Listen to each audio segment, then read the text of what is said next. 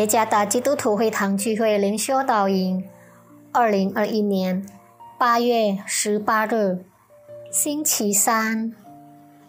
主内弟兄姐妹们平安。今天的灵修导引，我们会借着圣经马可福音第六章第五十节来思想今天的主题：释放惧怕。作者。陈良春传道，马可福音第六章第五十节，因为他们都看见了他，却甚惊慌。耶稣连忙对他们说：“你们放心，是我，不要怕。”有一次，我有机会登上一艘从松巴瓦岛到龙目岛的船。当在海中时，那船被大浪冲击，所有的乘客都大声喊叫，尤其是女性。我甚至听到他们多次呼喊他们的上帝的名字。我本是不怕的，但也泄气了。我旁边的一位先生提醒我不要害怕。他说：“先生。”别怕，只要喊叫的是女士们，通常船还是比较安全的。除非喊叫的是婴儿们。我不明白那先生所说的话。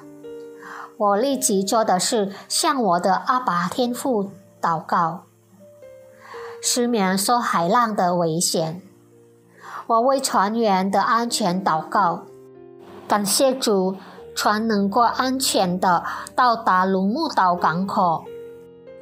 在马可福音第六章，叙述门徒们在海浪与风暴的冲击中挣扎。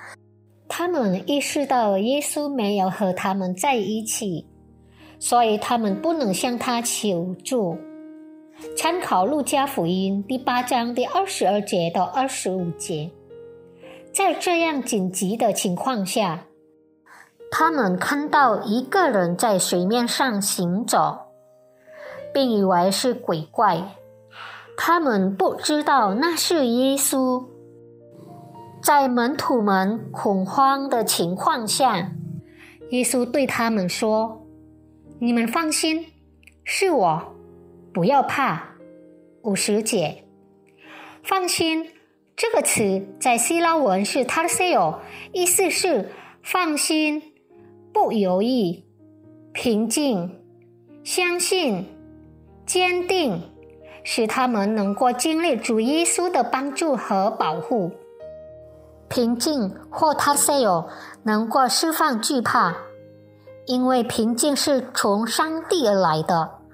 我们相信耶稣不会让我们独自面对生活中的问题。这个时候，我们在新冠肺炎病毒爆发中生活，可能会感觉到害怕。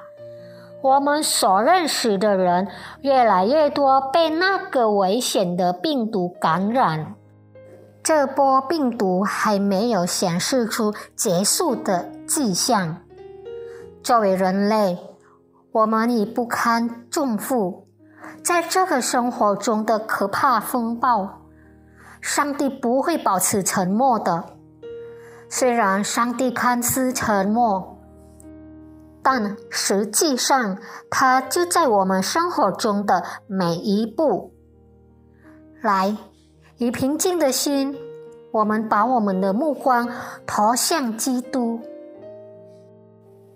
上帝从未沉默，他总出现在我们生活中的每一步。